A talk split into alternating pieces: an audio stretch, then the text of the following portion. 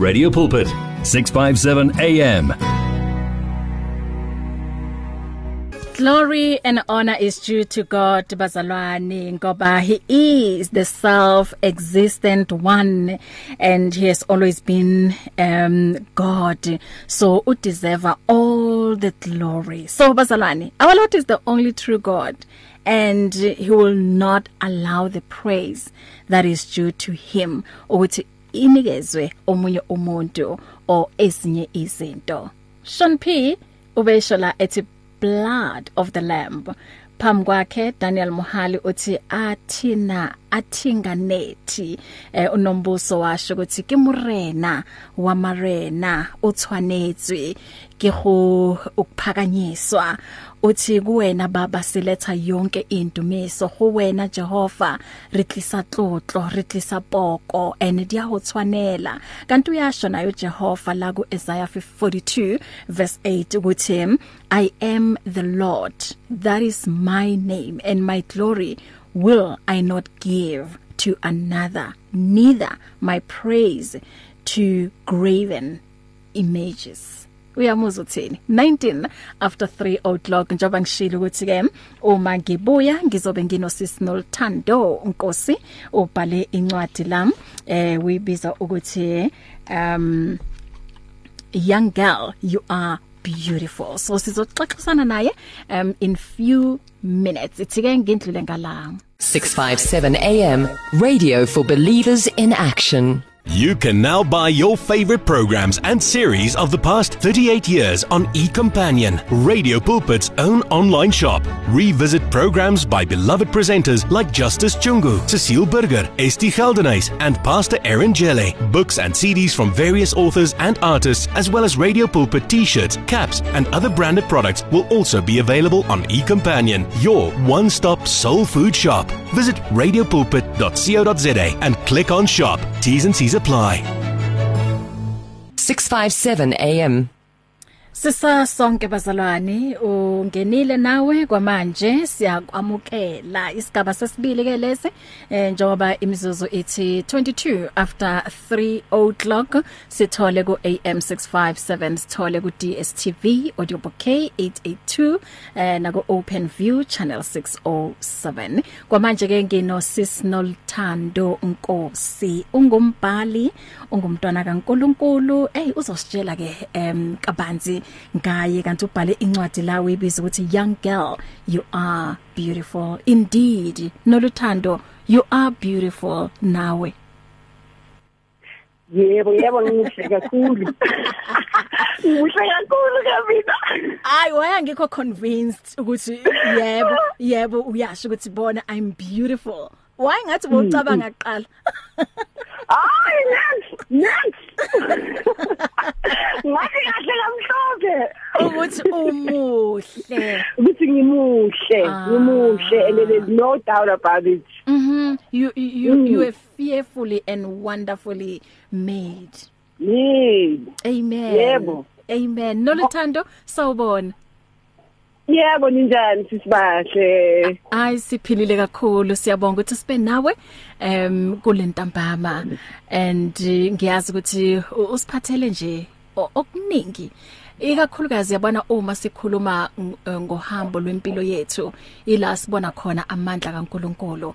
And ngokubona nje imisebenzi yakhe namandla akhe lapho manje uyazi simdumisa kakhulu. Simdumisa sibhala simdumisa sihlabelela simdumisa sikhuluma ngaye simdumisa even nangama testimonies ethu. Ngicela ubabingelele emakhaya. Ngiyanibingelela nonke emakhaya. Ngiyabonga ukuthi nilalele. Bila lonke umuntu. Mhm. Em asikhulume ngo ngo Nolthando. Ubani uNolthando? Uzalwa kuphi? Uzalwa kabani? Okay, unolthando Nkosi. Umntana kaNkuluNkulu. Uthanda nje vele ukuncourage abantu. Mhm. Nezwi likaNkuluNkulu. Mhm. Uthanda ukubona umuntu aba yilento le uNkulunkulu amdala ukuthi abe yiyo. Ngivela Valley kama la isibonga fama kaNkosi ngihlala Valley ngizalwa uCaroline no Amos Nkosi abazali nje abangikhulise in the way of the Lord vele yibo abayitshalile lembewu phakathi kwami. Oh konje uphuma kuphi nendawo? East Vale. Ngiphuma East Vale East Vale slash Moda East. Oh, okay. Mawubhali address ngathi East Vale or ukuthi Moda East. ise ise ekuruleni Ekuruleni eh eh Oh Ekuruleni. okay bengifuna ukuqonda lapho nje. Ukuthi Oh konje siyanje. Azathi ngijayelana lo ekuruleni. iya thina nje sithe kuruleni uyabona mothe kuruleni sengiyazi ukuthi sokhuluma ngeeast nje yonke. Eh, eh, uyabona. Eh so uzalwa ekhayeni okuwukuthi em, liyakhonza? Yebo eh ekhaya bayakhonza bathembe uJesu. Yonke into nje uJesu. Bangiqale e Sunday school bangifaka eSunday school bayenza sure ukuthi nje lezi liyangena phakathi kimi mm so vele ngikhulele ekhaya eli- elikhonzayo nabantwana basekhaya Mm. sonke siyakhonza sithemba uJesu nje Amen. And Eh. manje unoluthando yena wamamkela nini uKristu njengomsindisi hayi ukuthi uzalelwe ekhayeni elimaziyo uJesu. Wena wena as an individual wamthatha nini uKristu as your savior. Okay mina uKristu ngamkhetha ngisese Sunday school I think angisisho iage ke but eh ukuthi inkonzo beyisekhaya so bengihlala Mhm. yeah so nginamkele ngisesemncane eSunday school ngisafunda Sunday school nje bengithanda nokuhamba ama camp yabo. So but umuntu futhi wami owangintroduce kuJesu bekubaba wami yabo.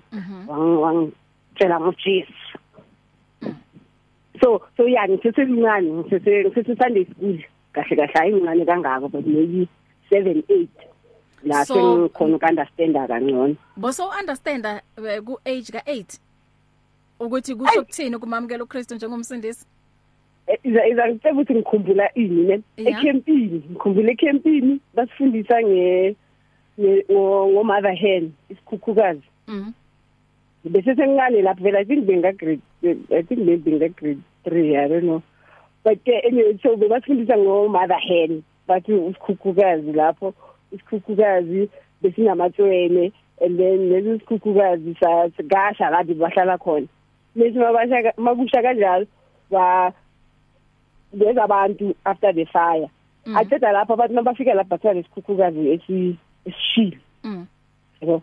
Bese ke mabathi bayasiphakamisa lesikhukhukazi ba- bathola amatswele ngaphandle yabo. So ngikhumbula vele campini la sekustenela ukuthi lokho kusho ukuthi uJesu naye wathatha lo mlilo yabo.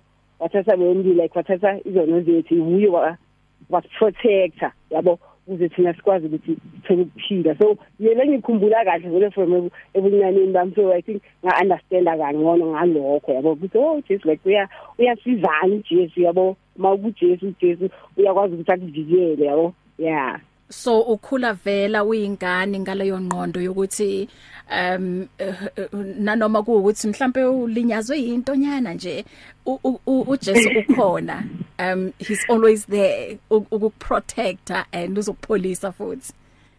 Yeah ngikhule nalokho Wow, ukuthi ukuthi ukuthi ukhona ukhona wena uye okwazi ku uyena u u- u thi uyazi u sacrificial uyakwazi ukuthi yena az- uyazinikela ukuthi wena ukuthola ukuphila kahle kahle ukuthi kuye uzothola ukuphila yalondolozeka. Kuye. So Wow. ngikhula ngalokho. Amen amen. Eh. uyazi nje ngiyafisa ukuthi ikakhulukazi kulesikhathi esiphila kusona ukuthi ungathi nje singakhula ngalokho. Um uyazi thina uma sikhula esikolweni okuhle ukuthi bekukhona i-subject um e- ebizwa ukuthi ireli ireligious yeah I, i guess yeah it was yeah a religious subject. So uh, ilapho besikhuli besifundiswa khona um ng- ngoJesu kusifundiswa um nangalensindiso so i, I so wish ukuthi ama subjects afana nalawo ngathi angabuyiselwa e- ezikolweni ekakhulukazi uma kuukuthi lokho akwenzeke ekhaya. Kodwa wena um ngingasho ukuthi uye wabuseka kakhulu ngoba uye wakhula vela ekhayeni okuwukuthi ukhuliswe ngayo insindiso enowakhula eh ngendlela enhle okuwukuthi you know ekutheni impilo yakho ip- iphathwe ngubani Njalo. yebo kwabonisa amandla okuwukuthi unawo ngoba siyazi ukuthi esikhathini sa- samanje em kunabantu abaningi abazama em lokho abakuzamayo when it comes to impilo yomuntu kodwa aba eyokuthi umuntu bamphilise eh, or yokuthi mhlambe babuyise ukuphila komuntu iyona kuphela into ebahlulayo. So Yes. it's only Jesus Christ obenamandla wokuthi esefile waphinda futhi wabuya waphila futhi. So kunjalo ma ngawo la ukuthi wena kumele uphilele bani ikakhulukazi ula emhlabeni. So noluthando Hmm. asibuyele eh kule ndaba yencwadi uthi young girl you are beautiful. So why why the title? The title ne? Mm. siqale vele ekuqaleni ngiqale ekuqaleni sisasha aha ngiqale khona ekuqaleni na? Yebo. So igama leli liqale vele ke bengithanda ukuthi mangihamba ne estradeni mm. ngibe nento yokuthi nje mangidibana namantombazana ngibe nento yokuthi ngi- ngimncome yabo? Ngiyakhona ukuthi maybe kwa- kwavela kuyo uNkulunkulu lokuthi like mangoma amantombazana so mang mangibancoma bo like mangingaqala ukuthi ngibabulise njengomuntu othanda abantu ne? So mina ngiyakubulisa noma ngiyakwazi or angikwazi ngiyakubulisa. Ngalento leyo. So ngithande ukubulisa ama girls estradeni mangibabulisa vele kube lento nje ukuthi ngibancoma ukuthi umuhle yabo?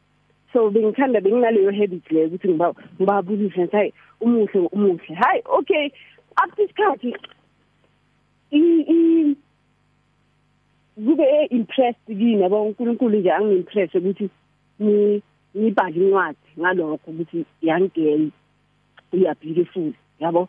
So and then manje yo beautiful nakhona ngiyabheka ukuthi beautiful kanjani yabona? Ukuthi sikhuluma ngebeauty yangaphandle like sikhuluma ngebeauty kanjani yabona? Mm. So mangifunda lapha izini like uNkulunkulu uyasho ukuthi you are wonderfully and fearfully made yabona? So ngiyabona ukuthi okay le beauty uNkulunkulu akhuluma ngayo ukuthi yile beauty le yena akupha yona. So uthi uNkulunkulu yena makathi yena you are beautiful then you are beautiful. You understand? Lokho uNkulunkulu akushoyo yiko kuyiqiniso yabona? So i- i- i- le le title isuke lapho from into bengiyenza from dala ngisakhula kudala kangako but bengithi nje ngiyathanda namanje mangingadibana nawe sisibahle or ngiyakwazi angikwazi ngizothi nje sawubona unjani bese ngiyakuncoma ukuthi maybe noma maybe na anything nje ngi- nginather habit yokuncomana. Mhm yabo so ukuthi ngincoma. So manje kuze ibe yincwadi kube nje umusa kaNkuluNkulu into ayibekile nje enhlizweni yami ukuthi young girl you are beautiful and abantu bayangibuza ukuthi hawu thando why uthi intombazana kuphela? Why ungathi umfana? Mm. yabo? Manje ngithi mina i- impendulo yami ukuthi uNkulunkulu beke intombazana enhlizweni yami yabo? So umuntu ang- angikho ang- ngithina ngeke ngiphikise uNkulunkulu ukuthi hayi hayi yabo makube um- umfana yabo? Ayinke ngiziforce mina uNkulunkulu beke inhliziyo ubeke intombazana enhlizweni yami yabo? Ukuthi intombazana yinhle and uyafuna ukuthi iyazi ukuthi makathi intombazana yinhle usho ukuthini yena uNkulunkulu? Yabona? Ukuthi ubalulekile ukuthi azi her her value azi her worth. I understand? Because our value ne worth yethu ivela kuNkulunkulu. Yabo? I- i- i- i value yakho is not determined by anything maybe or achievement. Ukuthi mangabe uachieve something should you are more valuable. Ah ah yabo?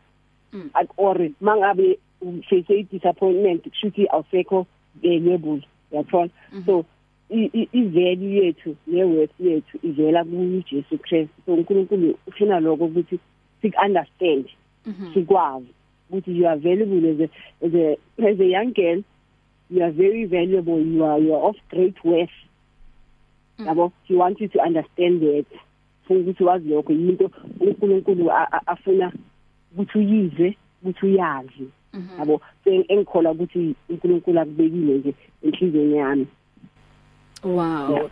Okay, so um according to wena neunderstanding yakho ukuze uyibone ungumuntu omuhle ukuthi wazi ekutheni u valuable kangakanani. Nokuthi uworthy kangakanani. That's that's beauty i definition ye beauty wena. Eh eh.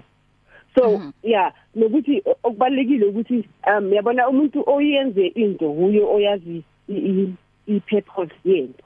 Angithi? Mhm so asithi in wabo abo abo Toyota abo Mazda laba bayenza imoto ngithi Mm. yiba baziyo ifunctioning yemoto. So if mina ngisebenza ka Toyota okanye yimi Toyota mangiproducing imoto zami yimi engizaziyo ukuthi ngiyenzeleni number 1 lokuthi zisebenza best makenzenzana ngithi Mm. ngoba yimi engizenzile? So manje uNkulunkulu uyangena udalwe uNkulunkulu umuntu wenziwe uNkulunkulu yeah understand? Mhm. so uNkulunkulu makathi makakuyenza ke kanjalo. Wakunikeza ne purpose ukenze with a purpose in mind. Yeah. Yabo akakenzanga nge mistake he has he has a purpose in mind. And that purpose is beautiful. Mm. nakho leyo purpose yinhle. Yeah. But purpose yeah. So do you do you think ukuthi uma umtshela a young especially young girls um is esiphila is kulesi sikhathi esiphila kusona you know um ama magazines television Yeah. internet you know Yeah. uma be be- bebukisa ngomuntu omuhle bazobukisa Mm. le- le slender girl ozobe Yeah. efake iweave afake imakeup and then um Yes. I, I guess young girls uma bebuka labantu aba advertise ngabo but okay so um kusho ukuthi um- uma uma kuthiwa uyintombazana umuhle kumele ubheke ngalendlela. So uh, awubi ne challenge like mhlambe ukutshela um, maybe a chubby girl uthi you know what? You are beautiful. And uh, khona manje sibonile nabo u- ukulightina iskin. Yinto okuwukuthi ngathi ichazwa ngokuthi umuhle. Uma ulight in complexion. So awubi ne challenge like ukutshela umuntu o opposite kulezinto esizibona ku magazine or ku television abachazayo ukuthi umuhle bese uyakholelwa and then ubooste i, i, i confidence yakhe ukuthi yes girl the way ungakhona um with your natural hair ungayifakanga i makeup you are still beautiful. Okay no ngiyibi ne challenge ne um so eh uNkulunkulu ungivulela amathuba ukuthi ngikwazi ukukhuluma nama young girls yeah. eh, over over the years. Um being mine ngi co-founder ye very young girl are beautiful actually is an organization Mhm. eh non profit engicale no Sislole Sislore eh wasenkonzweni. So sesaqala this um organization sayibiza vele young girl are beautiful because sibona a a young girl idinga nje idinga ukuthi izibone the way uNkulunkulu ambona ngakhona so Mm, mm. our purpose is for a young girl ukuthi azibone ne not according to lento ayibonayo esipilini ukuthi eh yena udark mm yena usidudla ne but Mhm. sifuna ukuthi azibone the way uNkulunkulu ambona ngakhona ukuthi ashifte nje i- i-perception yakhe lapho ukuthi a- a- a- mawungazibheki with the physical eye mara bheka the way uNkulunkulu akubona ngakhona uNkulunkulu makakubhekile yena uthini? Mm. Ngawe. Mm. Ya understand lo okuyenzile uthini yena makakubhekile? Mm. Yathola so si- si- sifuna ukuthi ya- that young girl izibone through the eyes zakaNkulunkulu through uthando lokaNkulunkulu yabona? That's powerful. perception yeah. yakhe. yeah. And and then so uh, I've had the privilege ukuthi ngikwazi ukukhuluma nawo ukushare amantombazana ukuya ezikolweni Mm. Eh si- si- sikhuluma nawo amantombazana um even last year bengiyi program si si si sikhuluma ngayo sishare nje the love of God Mm. eh for intombazana.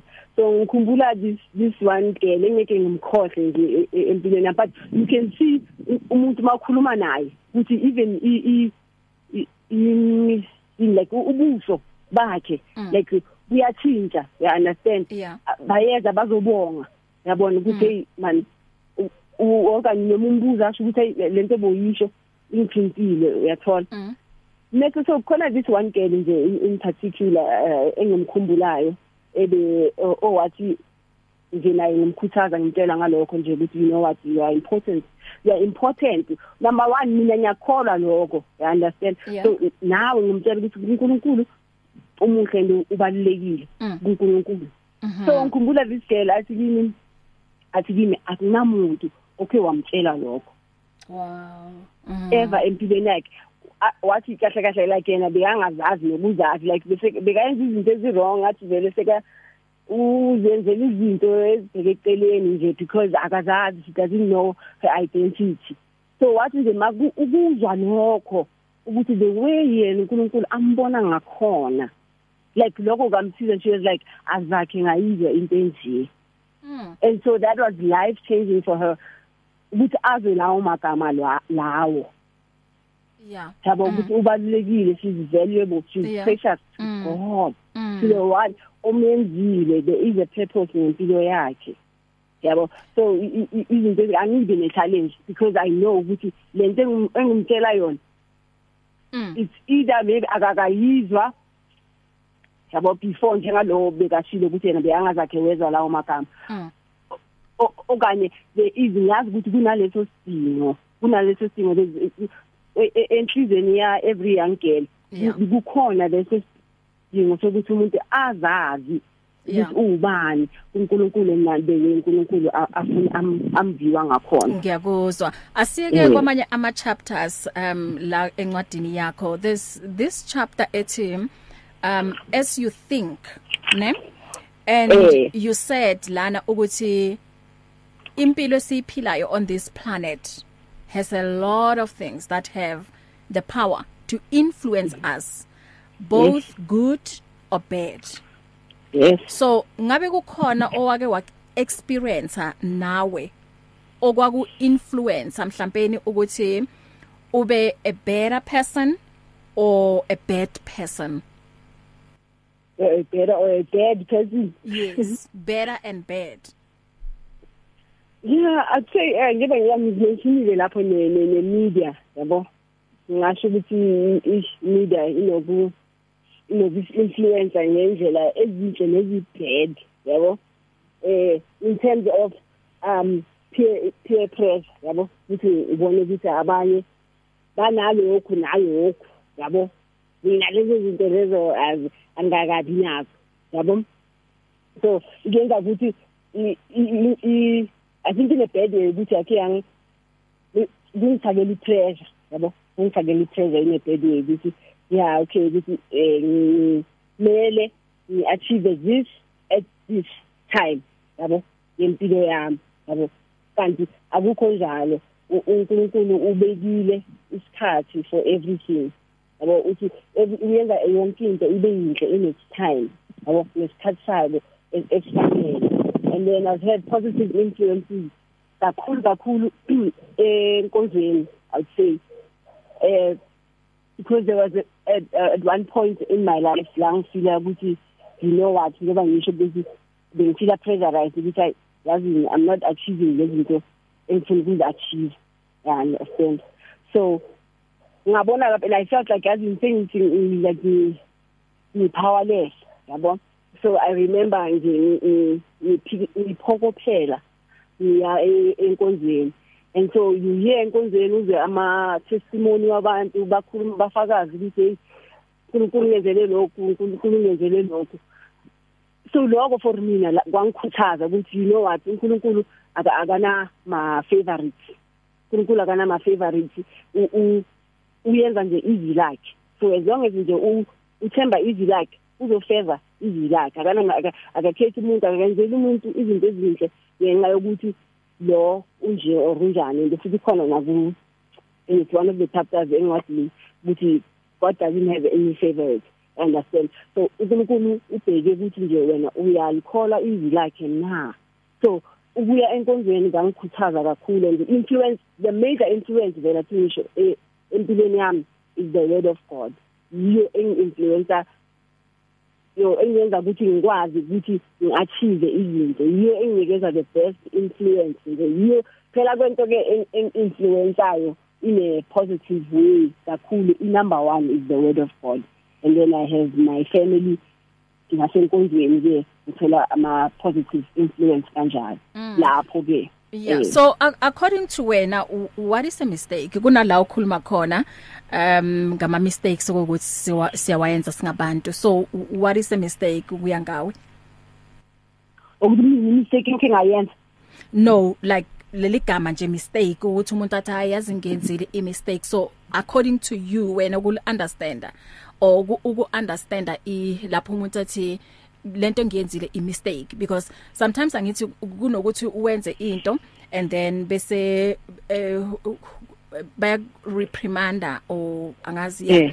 and then bese uyabuya futhi wenza the same mistake ne and then noma Yeah. ubuya kwesi2 bese uyasho futhi ukuthi hayi it was a mistake bese kuthiwa ah but u- wayenza lento and then uthe i mistake so uyenza for the second mm. time sisayibiza ngokuthi mistake leyo nto so that is why i'm asking you ukuthi wena ukuya Yeah. ngawe what is a mistake? Ungayenza i mistake kabili kathathu kane? Mistake. So imistake into ukuthi mina beke ngingathembi ngakhona ukuthi into nebongasosanga ukuthi i ihethe omunye umuntu. Mm. ne? Basi asithi em u- u- abo bokhuluma nabazali bakho and then eh maybe basho into wena ongayithandanga kuwe ne? Mm. so wena waphendula ngendlela e- ebengamelanga e- e- engahloniphi engabonisi inhlonipho kubo. Mm. yabo Mm. bese singathi singathi maybe mistake ngoba bekungamelanga uyenze kanjalo. Yabo bese kube mistake ngaleyo ndlela ke ukuthi aze bekungamelanga uyenze kanjalo uphendule uphendule beke iphendule ngakhona. Mistake into ukuthi uyenze into ebekungamelanga uyenze o ngendlela ekungam- ebekungamelanga uyenze ngakhona. So ke masoyiphinda phinda kahle Yeah. hayi. Akusaseyona i Hayi, mistake ang- angisayizwa kahle. Mase uthi masoyiphinda phinda yabo? mhm. mase masoyiphinda phinda phela hayi masoyiphinda phinda hayi hayi sithi mistake kanjani so kuyinto o aware ngayo ukuthi okay into Yeah. kanje mawuyenzile um Hawu. izomlimaza omunye umuntu yeah izomzima Yeah. yazi so aware masukuthi manje lento lena hawu ngiyazi ukuthi It's not izomkhalisa right. sisibashe shithi manje ngenza ngamabomu mosi mhm hawu sengenza ngamabomu ngingazi ukuthi hayi le izokukhalisa sisibashe mase ngilibele ngiyayenza mhm hayi hayi hayi hayi hayi hayi angizwa angizwa kahle. Um Yeah. asenze kanje asithathe asithathe ke um, i break lana. Um sizobuya nje in in few seconds. And then uma mhlambe kukhona othanda ukukhuluma nonothando o unem- unombuzo ngizophinda ngikunikeze eminye futhi imizuzu embalo ukuthi ke ukhulume naye noma umbuze. Siyabuya. Coronavirus 2019 is a new respiratory illness that spreads from one person to another through droplets when an infected person coughs or sneezes. Protect yourself and your community from getting and spreading this illness by practicing preventative measures such as Wash hands frequently with water and soap for at least 20 seconds. stay at home if you're sick or call coronavirus hotline to get medical advice. Avoid close contact with people who are sick. Covering your mouth and nose when coughing and sneezing with elbow or tissue. Clean and sterilize frequently touched objects and surfaces with bleach and other non-toxic chemicals. Play your part to prevent the spread of coronavirus and other diseases in your community. For more information, please call Coronavirus Center on 0800 029999 free of charge or go to nicd.ac.za or health.gov.za. You're at 657 AM. Radio caring 24 hours a day. Reach your customers in the car, at the office, at home, or wherever they are, night or day. Through advertising with Radio Pulpit, you can reach a large, unique, and loyal audience in a most affordable way. With over 500,000 people on our various platforms, from Gauteng to the Cape, you simply cannot go wrong. So advertise today. Contact us on 012 334 1339 or for advertising packages that we offer, go to www.radiopulpit.co.za. Terms and conditions apply. Ngikanye la no Sisnolthando Nkosi ubhale incwadi Young Girl You Are beautiful. Um sisinolthando yebo. Ku- kunalomkhuleko ola encwadini yakho. Uthi father i pray that you would give me your spirit of wisdom and revelation in the knowledge of who you are. That the eyes of my understanding may be enlightened that I may know the hope of your calling. I ask that you order my footsteps in your word. Ngicela uma sibuya la elayinini um usitshela kabanzi ngalomkhuleko ukuthi u- kungani bokhuleka lomkhuleko. Um ngiyakubingelela usemoyeni. Yebo njani? Siyaphila unjani? Ya ngiyaphila. Mm, sikhuluma nobani?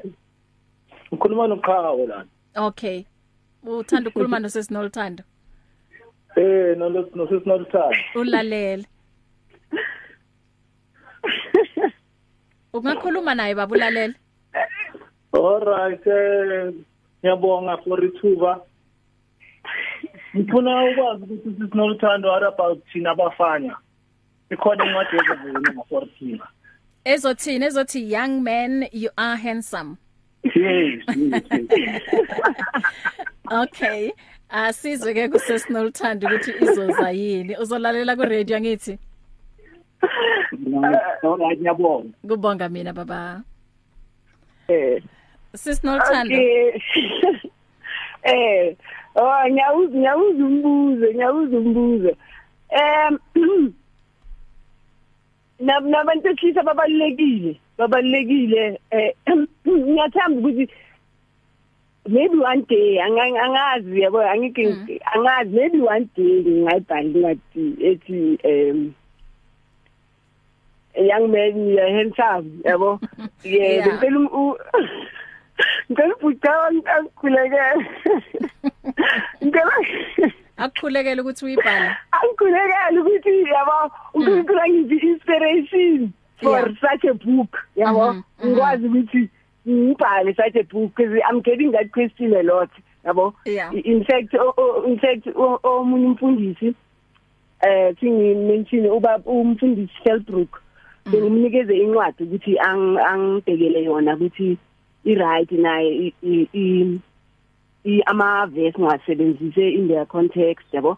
So ukuthi nokuthi ay critique incwadi so umfundisi uthe maka maka maka makanginikeza feedback uthe kimi eh why ngibhadile amantombazana naye ushilo lento wathi wangibhala amantombazana kuphela wathi kodwa ke izake wathi ngoba lencwadi irrelevant Mm. ku- kuwo wonke umuntu Mm. yena ifundile awumuntu wesilisa Yeah. wayizwa ikhuluma naye wayizwa ikhuluma nabantu besilisa nama young guys Wa- u- usho futhi ubeke explicit nje wathi Mm. lencwadi ithando why uthi yamantombazane even nabo bamangethe nabo bebangibuza the question ukuthi why ngathi young people because the book is relevant for guys as well Mm. yabo mm, awu mm. nomuntu wesilisa and in fact nama guys ayayithenga incwadi Yeah. and ifeedback engitholayo ukuthi nabo bayayenjoy incwadi yabo so athi ngithi so athi ngibeke so ke athi ngithi incwadi is written for a young girl Mm. ne mina uNkulunkulu beke i young girl enhlizweni yami Mm. kodwa ke it's relevant for guys as well Mhm. yabo because vele angifuni ukuthi vele um- umfundisi Felbrook wakusho lokho wathi le ncwadi le wathi guys need to hear what you have written Mm. in this book. Wakwasho umfundisi wathi ama guys me- emela a- azi ukuthi kubhalweni kule ncwadi. Yeah. Um lomkhuleko lo bengu bengiusho phambilini eh u ubongane the author umangethe uthi um uyawuthanda kakhulu naye lomkhuleko so Mm. why uye wawufaka lomkhuleko kule ncwadi? Kule ncwadi ne? Okay so lomkhuleko lo umkhuleko otholakala kwencwadi yabesifesu nase nakuma Roma chapter 8 Efesu chapter 1 naku Roma chapter 8 ngihlanganisile so umkhuleko e- e- engiphila ngawo Mm. ukhuleko engiphila ngawo mina nje empilweni yami Mm. em uyangisiza kakhulu ngoba eh siphila la emhlabeni angithi ngimamkelile uJesu kodwa ngiphila la emhlabeni Mm. ngiface ama challenges khona la emhlabeni Eh, ngithanda kakhulu nje le ukuthi I'm, according to the Holy Spirit ukuthi whenever ngifila ukuthi yabona manje eh ngile decision emele ngiyenze or whatever decision emele ngiyenze empilweni utho uthola ukuthi maybe ngirely ama feelings ami angitshela izinto ezibad nje ezi wrong ezi wrong ezibhekele eh, ngiyakwazi ukuthi mangikhuleka lo mkhuleko lo ukuthi i am according to the holy spirit. I- i- i- i- i- iyangichanela ikwazi ukungichanela uku-redirector my emotions my feelings. You are redirect ukuthi wena you are according to the holy spirit. Awukwazi ukuthi u- u- u- ubehave ngendlela engathi awusumntana kaNkuluNkulu. So lo mkhuleko lo always uyangiredirect ukuthi i'm according to the holy spirit ukuthi njalo whatever decision engizoyenza izobe ku decision ehambelana nomoya kaNkuluNkulu. So ngiyayithanda nje kakhulu le le- le prayer le. Ukuthi iyangirealign iyangicoca iyangibuyisa ukuthi i'm according to the holy spirit. I'm controlled ukuthi ukuthi i'm controlled by the desires of the holy spirit. Ukuthi ngikwazi ukuthi ma ngabe kunama desire a wrong enhlizweni nami if kune kunezifiso ezi wrong phakathi kwami ngikwazi ukuthi ngizincobe ngalokho ukuthi yazi mina ngicontrola ama desires avela kumoya kaNkuluNkulu. Yiwo lawa ama desires angenza ukuthi ngiyenza ama, ama decisions a right so ngiyayithanda kakhulu lo mkhuleko lo i love it, i love it. Ngele ngele ngingathanda nje ukuthi wonke umuntu ak- akusho lokho even every day ukuthi i am according to the holy spirit. I'm not according to what i what i think is right but according to the holy spirit kaNkuluNkulu I'm controlled by his desires nokuthi I set my mind on and I pursue the things that gratify the spirit of God ukuthi ingathi ingqondo yami ngibeka entweni ezijabulisa uNkulunkulu yabo Amen, so that amen. i- i- iyangisiza nje ukuthi ngikwazi ukuphila impilo ejabulisa uNkulunkulu kanjalo Mm. So Mm. ukuphi eh kwamanje ngempilo noluthando? Ngabe uhappy or usadinga ukuthi uNkulunkulu em a enze more empilweni yakho? Ngahle ah sesekuningi ngisambhekile ukuthi akenze simpahle sesekuningi sesekuningi Ikuphi kodwa ngihappy ngihappy and ngisa ngisa ngisa ngisabhekile okukhulu Mm. azokuyenza empilweni yami. Eh le le le le ncwadi le ithathe iminyaka neminyaka ukuthi ibhalwe. Eh and then finally manje actually be- bengiguduza yenye inotepad la ngaqala khona ukubhala incwadi so mangibheka la cabanga ngiqale ngo 25 May 2014 Mm.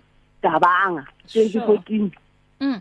cabanga ngiqala ngo 2014 It's only now kwakhona we iphuma manje yabo Wow. Mm.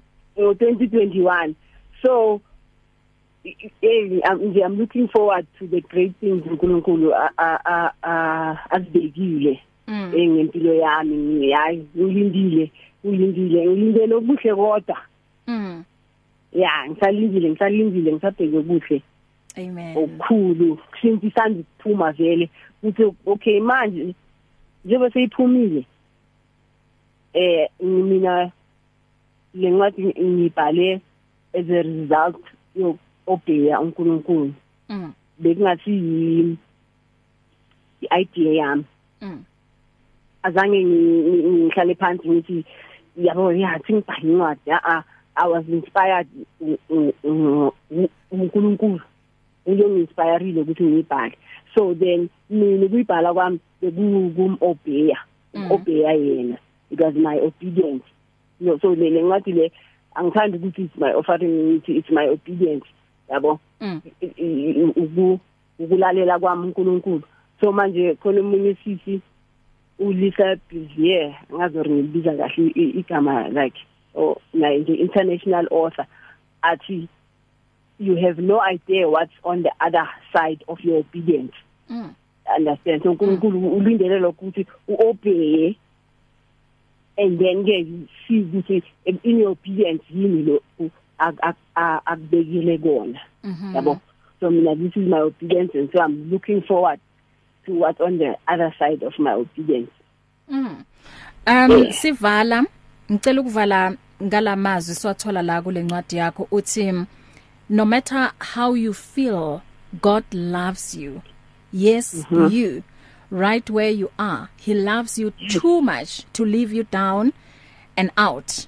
Looks can really be deceiving.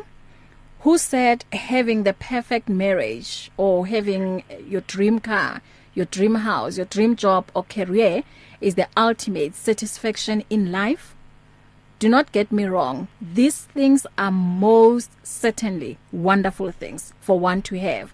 In fact i myself I'm looking forward to having all these things. But now we have to be very careful not to let things be the sole reason for living or as the only thing worth living for.